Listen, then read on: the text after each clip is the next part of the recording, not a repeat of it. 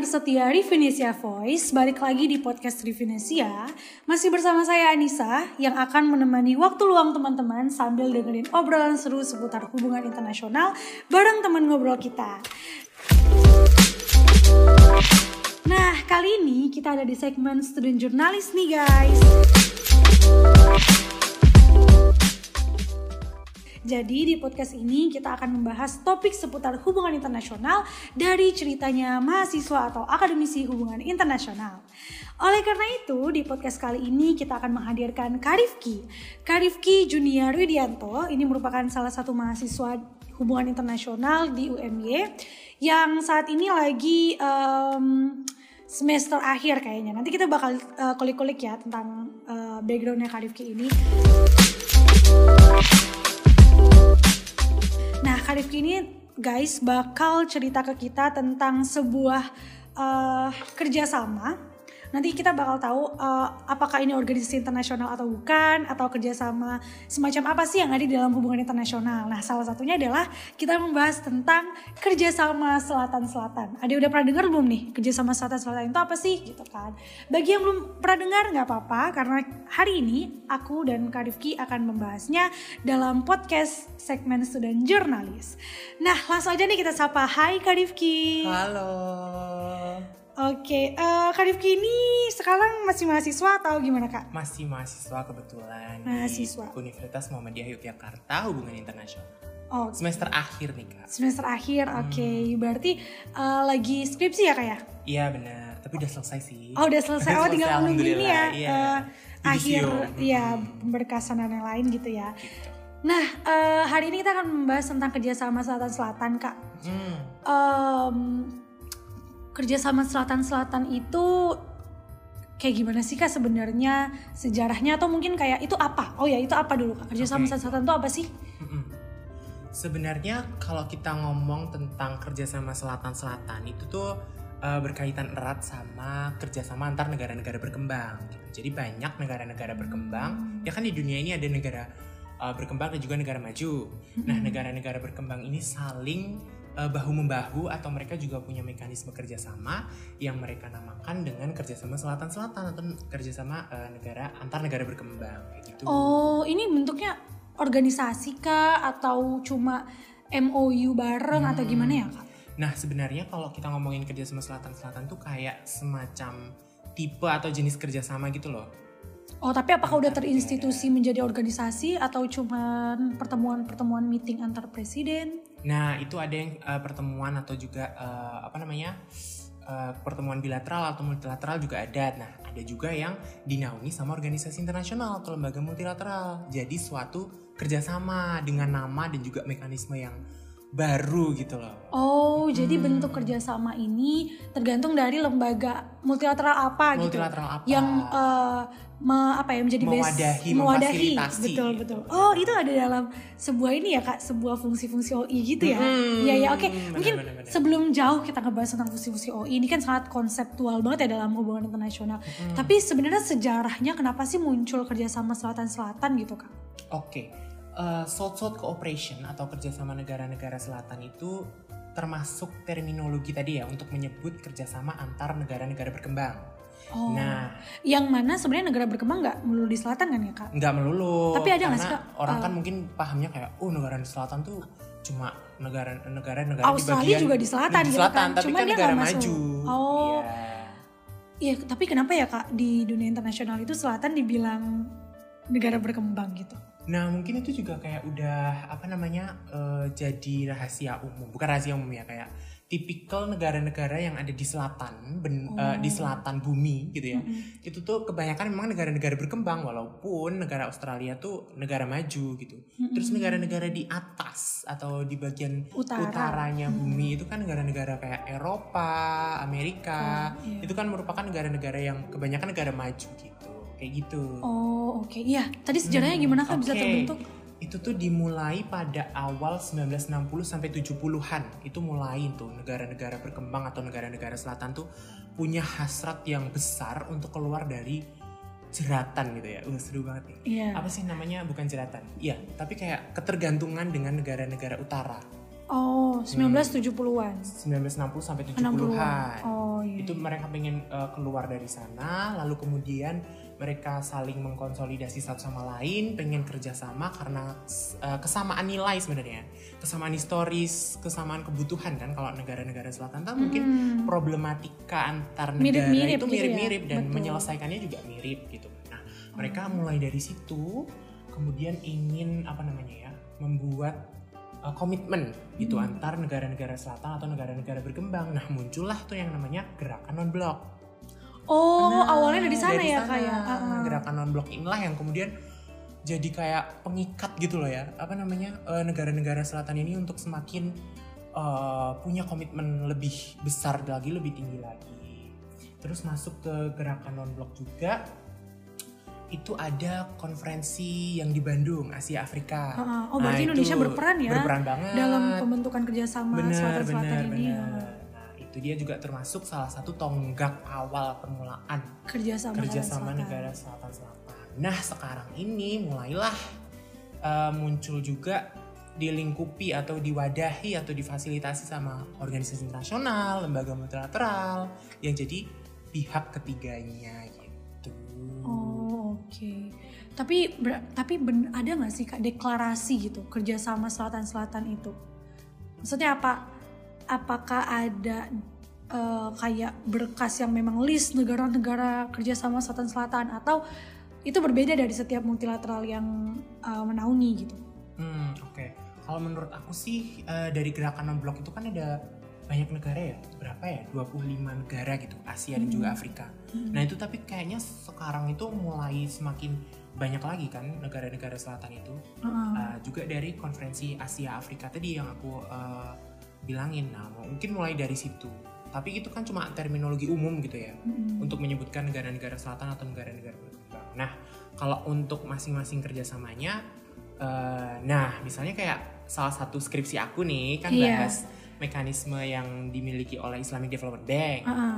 Itu mekanisme Oh. reverse linkage namanya. Berarti eh, si Islamic Development Bank ini salah satu wadah tadi ya yang Salah satu mewadahi wadah kerjasama yang mewadahi itu. kerjasama selatan-selatan. Walaupun sebenarnya si eh, mekanisme reverse linkage by Islamic Development Bank ini tidak melulu mewadahi ke semua negara selatan, tapi dia eh, 100% anggota yang ikut dari mekanisme atau kerjasama itu negara-negara selatan gitu, negara-negara Oh, berkembang. Oke, skema kerjasamanya tadi Hmm. kerjasama kayak gimana sih kak berjalannya Oke, di skema berarti spesifik di di development bank ini ya? Iya, kalau salah satu contohnya Mm-mm. eh, mungkin aku yang eh, tahu paham gitu juga salah satunya di mekanisme reverse linkage ya yang di Islamic Development Bank. Mm-mm. Ada nih namanya konsep konsep kerjasama antar negara selatan itu namanya triangular selatan-selatan. Oh di dalam itu konsep hubungan internasional ya? Mm-mm. Oke. Eh, konsep triangular selatan selatan-selatan tuh kayak segitiga gitu loh. Mm-mm. Uh, ada ada kalau di pucuk kan segitiganya itu kan ada uh, uh, sudut lancip yang di atas ya. Mm. Nah itu menandakan organisasi internasional atau lembaga multilateral yang uh, punya kerjasama atau menaungi kerjasama. Oh, yang sebagai wadahnya tadi Iya ya? benar, Ha-ha. yang sebagai entitas lebih tingginya gitu kan. Iya. Nah terus untuk dua sudut di bawah ya kan ada Hmm. dua uh, segitiga, karena ada juga kiri. Mm-mm. Nah itu ada dua negara selatan atau lebih yang terlibat dalam kerjasama itu. Nah masing-masing punya posisinya. Ada yang sebagai negara donor dan juga yang satunya sebagai negara resipien atau penerima dan juga pemberi itulah intinya. Oh, jadi Hmm. s- negara dalam skema ini dalam kasus eh, development bank itu berarti eh, seperti meminjam dana gitu ya? Kayak Nah, negara menarik meminjam nih. dan- dana ke negara lain atau gimana Hmm, kak?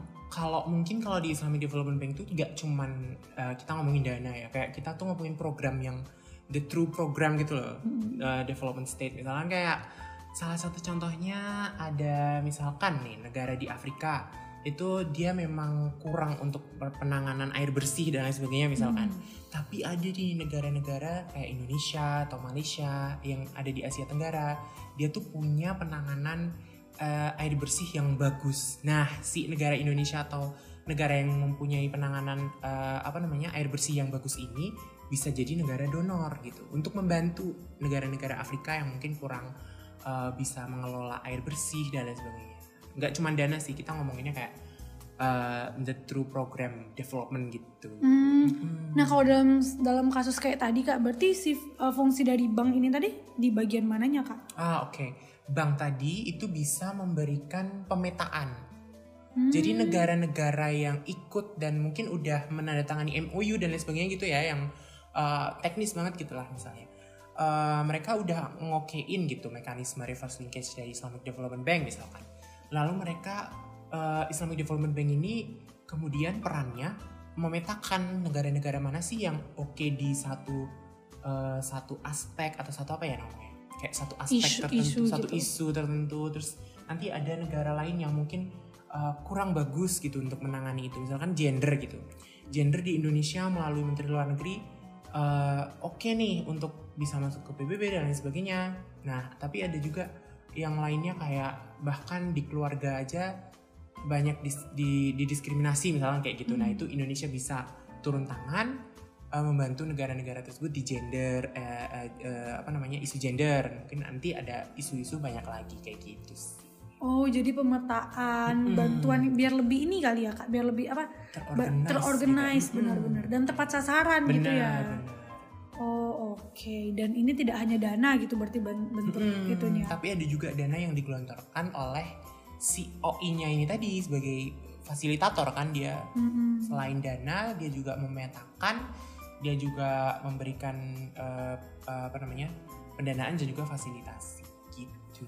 Nah tadi kan ngomongin isu ya kak, menarik ya kalau kita ngomongin isu-isu negara berkembang itu kan kayak uh, walaupun kayak satu isu misalnya isu ekonomi itu bisa bisa juga mempengaruhi isu gendernya, bisa mempengaruhi isu um, water and sanitationnya juga gitu kan. Nah, tapi di Islamic Development Bank nih karena memang studi kasusnya kerjasama di sana gitu kan ya kak. Ada nggak sih kak isu-isu spesifik yang disasar sama Islamic Development Bank dalam kerjasama selatan-selatan ini yang coba untuk diadres gitu dalam kerjasama ini? Oke, sebenarnya sih kalau kita ngomongin tentang kerjasama antar negara selatan itu, menurut skripsi aku nih Hmm. yang udah aku coba research selama berapa bulan ya? Beberapa bulan inilah. Nah itu Hmm. ada eh, empat tantangan utama sih atau problematika yang eh, mereka hadapi sebenarnya setelah Hmm. setelah tadi ya 1960 sampai 70-an itu yang eh, puncaknya mereka konsolidasi dan lain sebagainya. Nah, ada isu kontemporer yang kemudian habis habis masa itu itu ada beberapa eh, eh, tantangan atau problematika yang dihadapi sama mereka ternyata setelah mereka melakukan kerjasama. Nah, yang pertama itu eh, tadi ya donor recipient tadi kan ada relationship, ada konsep tadi yang aku bilang Hmm. eh, apa namanya hubungan antar negara donor dan juga re- eh, resipien. Nah itu tuh cenderung salah gitu loh mereka mem- me- memaknai memaknai eh, relationship atau hubungan negara donor dan juga resipien. Ini mereka ini berarti negara-negara Negara-negara berkembang gitu. yang selatan-selatan itu ya. Mm. Memang mereka memaknainya gimana kak? Nah oke, Eh, negara resipien itu kadang jadi cenderung merasa ediktif gitu loh. Oh, Mm. ediktif untuk Ediktif tergantung untuk- gitu. Iya tergantung sama negara donor. Oh, padahal tadinya mau me- Padahal tadinya kan ingin mengembangkan eh, apa namanya, mengembangkan aspek mereka di banyak hal misalkan tadi water sanitation dan lain sebagainya. Nah Hmm. biar mereka itu nantinya bisa jalan sendiri atau Dari- punya, betul betul. Tapi mereka cenderung ediktif nih. Sama dana juga mereka cenderung ediktif. Ter- Terus nggak kayak sustainable gitu loh, nggak kayak mereka bisa jalan sendiri kayak gitu. Hmm. Oh. Terus selain itu apa lagi kak? Nah, yang kedua itu kurang jelasnya tujuan dan kebutuhan yang ingin dicapai oleh masing-masing negara. Misalnya kayak negara tuh clueless gitu loh sebenarnya. Mereka tuh ikut kerjasama untuk apa sih? Misalkan mereka cuma negara itu kayak cuma ya untuk rekognisi antar negara lain lah atau biar mereka eksis gitu dianggap eksis di eh, eh, hubungan in- eh, di panggung internasional gitu. Nah mereka tuh kurang lack of uh, purpose dan juga kebutuhan yang ingin mereka uh, penuhi itu apa? Mereka tuh nggak bisa memetakan diri mereka sendiri itu kurangnya di bagian apa, gitu, misalkan Hmm. seperti itu atau tujuannya itu untuk apa kayak gitu. Oke, iya juga ya kak kalau misalnya kita ada kerjasama tapi masing-masing pihak itu masih kayak belum tahu apa sih sebenarnya yang mau dicapai Ah, secara ah, jelas. Jadi orang menilai kerjasama itu jadi kayak hanya kurang gitu. sebagai formalitas, formalitas aja, aja, gitu. gitu kan. Sayang banget ya padahal. Sayang Padahal itu uh, kayak yang kakak bilang tadi sih di awal sesama negara selatan-selatan itu kan pasti punya isus yang mirip-mirip dan mekanisme kita menyelesaikan masalah gitu ya sebagai negara-negara yang senasib beda dong kayak kita beda iya tentunya Semangatnya permasalahan gender kita selesaikan di sini dengan mengikuti uh, gaya barat mungkin ada beberapa yang tidak berbeda uh, uh, tidak sesuai dengan kita gitu. Betul-betul terus selain itu ada masalahnya sih kak di dalam Nah. situ. selain itu juga tadi kan kurangnya tujuan kurangnya uh, pemetaan kebutuhan mereka tuh jadi hanya sebatas forum diplomatik tahunan gitu loh Mm-mm. yang kayak mereka bertemu Itu kalau yang bertemu siapa kak? Eh, presidennya kak, menterinya atau? Uh, kalau di kalau secara umum mungkin kayak uh, ada G20 gitu-gitu ya Oh, Ya oh, itu kan uh, presiden presiden presiden negara-negara. Mungkin kalau Islamic Development Bank itu diwakili sama Menteri Keuangan dan juga Menteri Luar Negeri, bisa juga melalui presiden. hmm. gitu. Itu mungkin mereka saling bertemu dan lain sebagainya untuk menyelesaikan suatu problematika. Tapi ternyata malah jadi kayak titik jenuh gitu loh bagi mereka untuk apa sih yang bisa mereka lakukan, uh, mekanisme apa yang bisa lahir gitu. Mm-mm. Oke, nah terus em, saya saya jadi kepo gitu deh kak. Kalau misalnya ini kan kerjasama selatan-selatan tadi ya. Dalam kerjasama itu kan pasti butuh ini ya kak, apa namanya support gitu Mm-mm. dong dalam dalam eh, dalam apa ya mendukung berjalannya kerjasama ini dengan Mm-mm, baik gitu. Nah, terus supportnya negara-negara kerjasama negara-negara selatan ini dari mana ya kak? Oke, pertanyaan yang bagus sih. Sebenarnya support itu bisa dari internal maupun eksternal ya. Kayak negara-negara selatan ini bisa saling support kan tadi satu sama lain antar Mhm. negara donor dan juga resipien. Terus juga mereka bisa melibatkan tadi eh, organisasi internasional untuk eh, mendanai, memfasilitasi atau mewadahi mereka untuk bertemu, melakukan eh, forum-forum eh, bilateral maupun multilateral, eh, pendanaan dan lain sebagainya kayak gitu.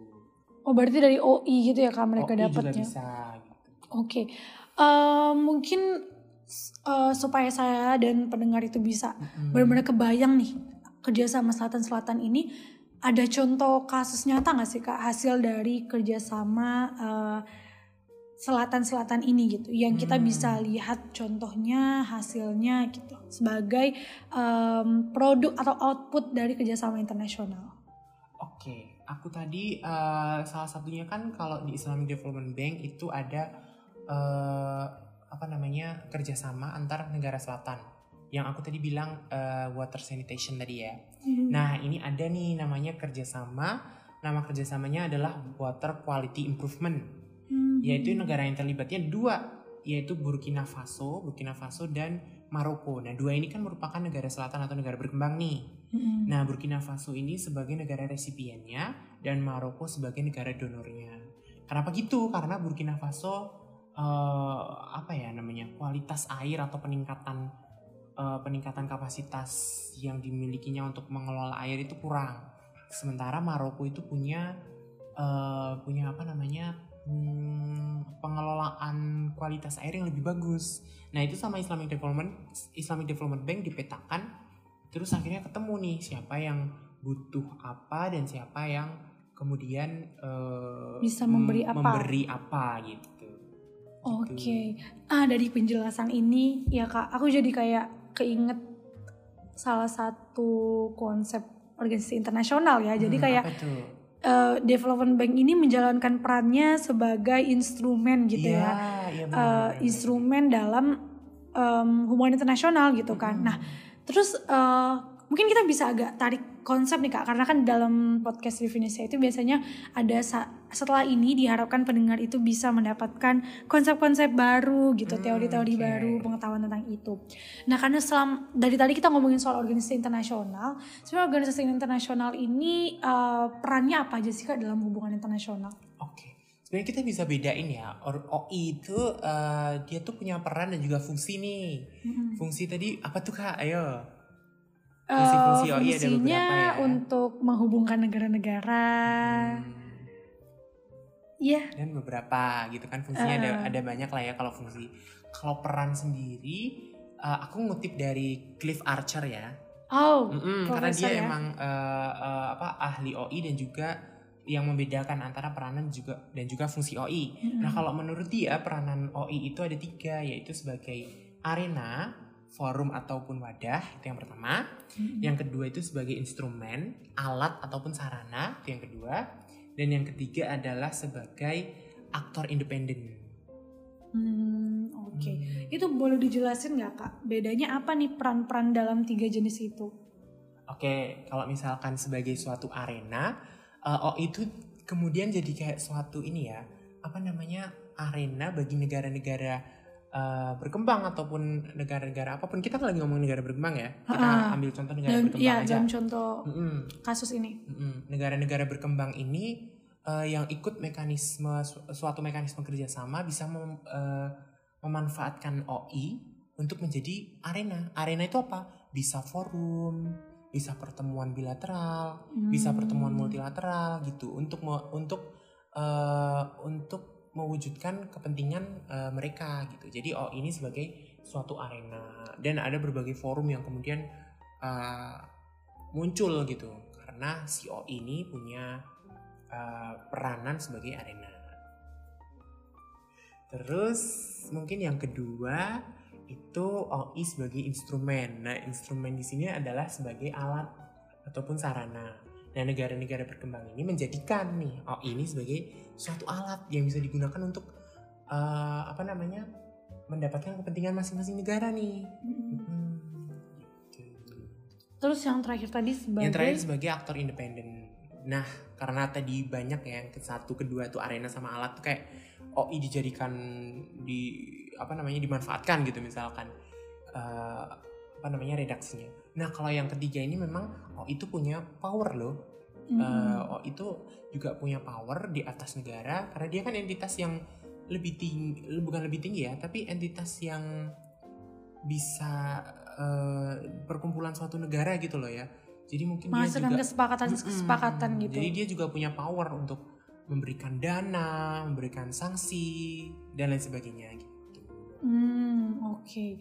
Nah, tadi kan di awal sebelum kita ngebahas konsep ini udah memberikan gambaran tentang eh, alat alat dan eh dijadikan instrumen gitu ya KOI. Nah, kalau dalam kasus ini ketika Islamic Development Bank dijadikan forum atau wadah, Mhm. kayak gimana Kak contohnya?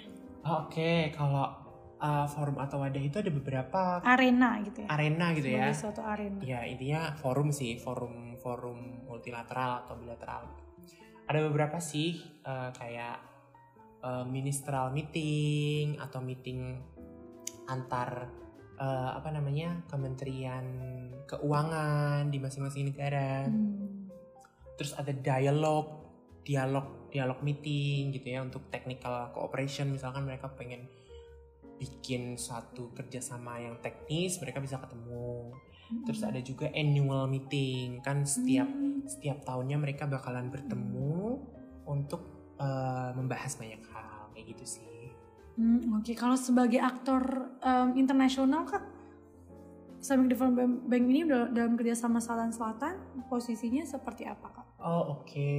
Kalau dia sebagai aktor independen ya berarti ya. Mm-mm. Nah, dia itu berperan sebagai fasilitator konektor, fasilitator dan konektor. Itu yang pertama dan yang kedua itu dia sebagai pendana.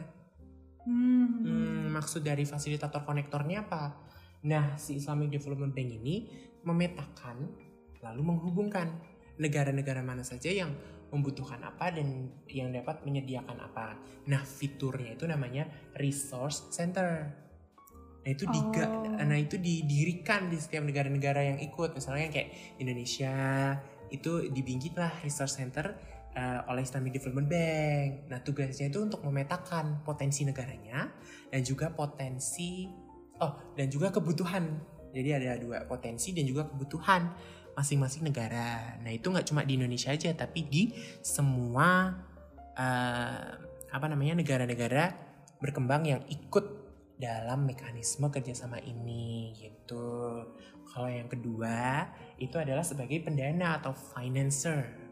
Karena kan Oh. oh, oh, tidak dipungkiri bahwa Islamic Development Bank ini eh, uangnya atau power power dananya itu besar gitu ya. Jadi dia bisa dapat mendanai nih negara-negara yang mungkin uh, development programnya itu masih kurang dananya gitu. Jadi ada dua. Oh oke, okay. berarti uh, aku nangkep banget nih teman-teman dan aku harap teman-teman juga pendengar setia Definisia Voice juga nangkep tentang penjelasan uh, kerjasama selatan-selatan ini baik sebagai um, sebuah kerjasama, mekanisme kerjasama. Nah, selain itu juga ternyata kerjasama selatan-selatan ini didaungi sama organisasi internasional yang mana organisasi internasional itu menjalankan tiga peran tersebut dalam kerjasama uh, selatan-selatan. Nah, um, thank you banget kak. Ternyata kita udah uh, ngobrol sekitar 25 menitan dan mungkin kita uh, ada ini kesimpulan dari pembelajaran kita pada hari ini atau obrolan yang edukatif ini ya untuk para pendengar. Silakan hmm, kak. Untuk kesimpulan sih mungkin uh, konsep kerjasama negara-negara selatan ini udah lama ada gitu ya, tapi mungkin banyak yang kemudian kayak mungkin belum paham atau belum tahu atau mungkin yang masih bingung. Terus juga untuk akhir akhir tahun ini tuh sering nih riset-riset kemudian terutama di hubungan internasional ya mm-hmm. dia itu uh, mengambil tema tentang negara-negara selatan gitu. Itu juga menarik sekarang untuk diulas karena kebutuhan dan juga problematika antar negara selatan itu hampirlah satu sama lain itu sama. Mereka juga punya semangat historis yang sama nilai yang hampir sama dan lain sebagainya. Gitu sih Oke, rekomendasi yang sangat bagus sih dari Kak Rifki sebagai pejuang yang baru sudah menyelesaikan tugas akhir skripsinya gitu ya. Uh, pesan yang sangat keren nih untuk akademisi HI. Um, kita harus lebih menggali tentang hubungan-hubungan negara selatan-selatan ini ya karena ternyata menarik gitu dan kita bisa mungkin nih bisa pada akhirnya memberikan rekomendasi sebagai akademisi HI tentang bagaimana sih kerjasama selatan-selatan ini bisa benar-benar memberikan dampak positif gitu bagi negara-negara yang bekerja sama gitu kan. Mm-hmm. Anyways, thank you so much dan ya yeah, thank you banget banget banget Karifki sudah hadir di podcast kita pada hari ini.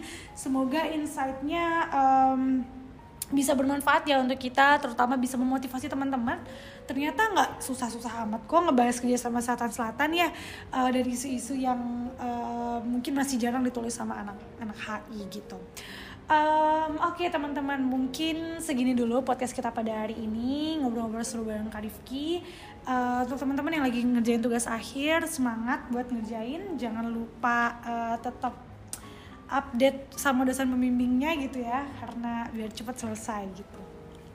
Oke, okay, uh, eh, thank you banget Kak Rifki. Kita jumpa di next podcast para pendengar setia di Venesia Voice. Sampai jumpa di next podcast, guys.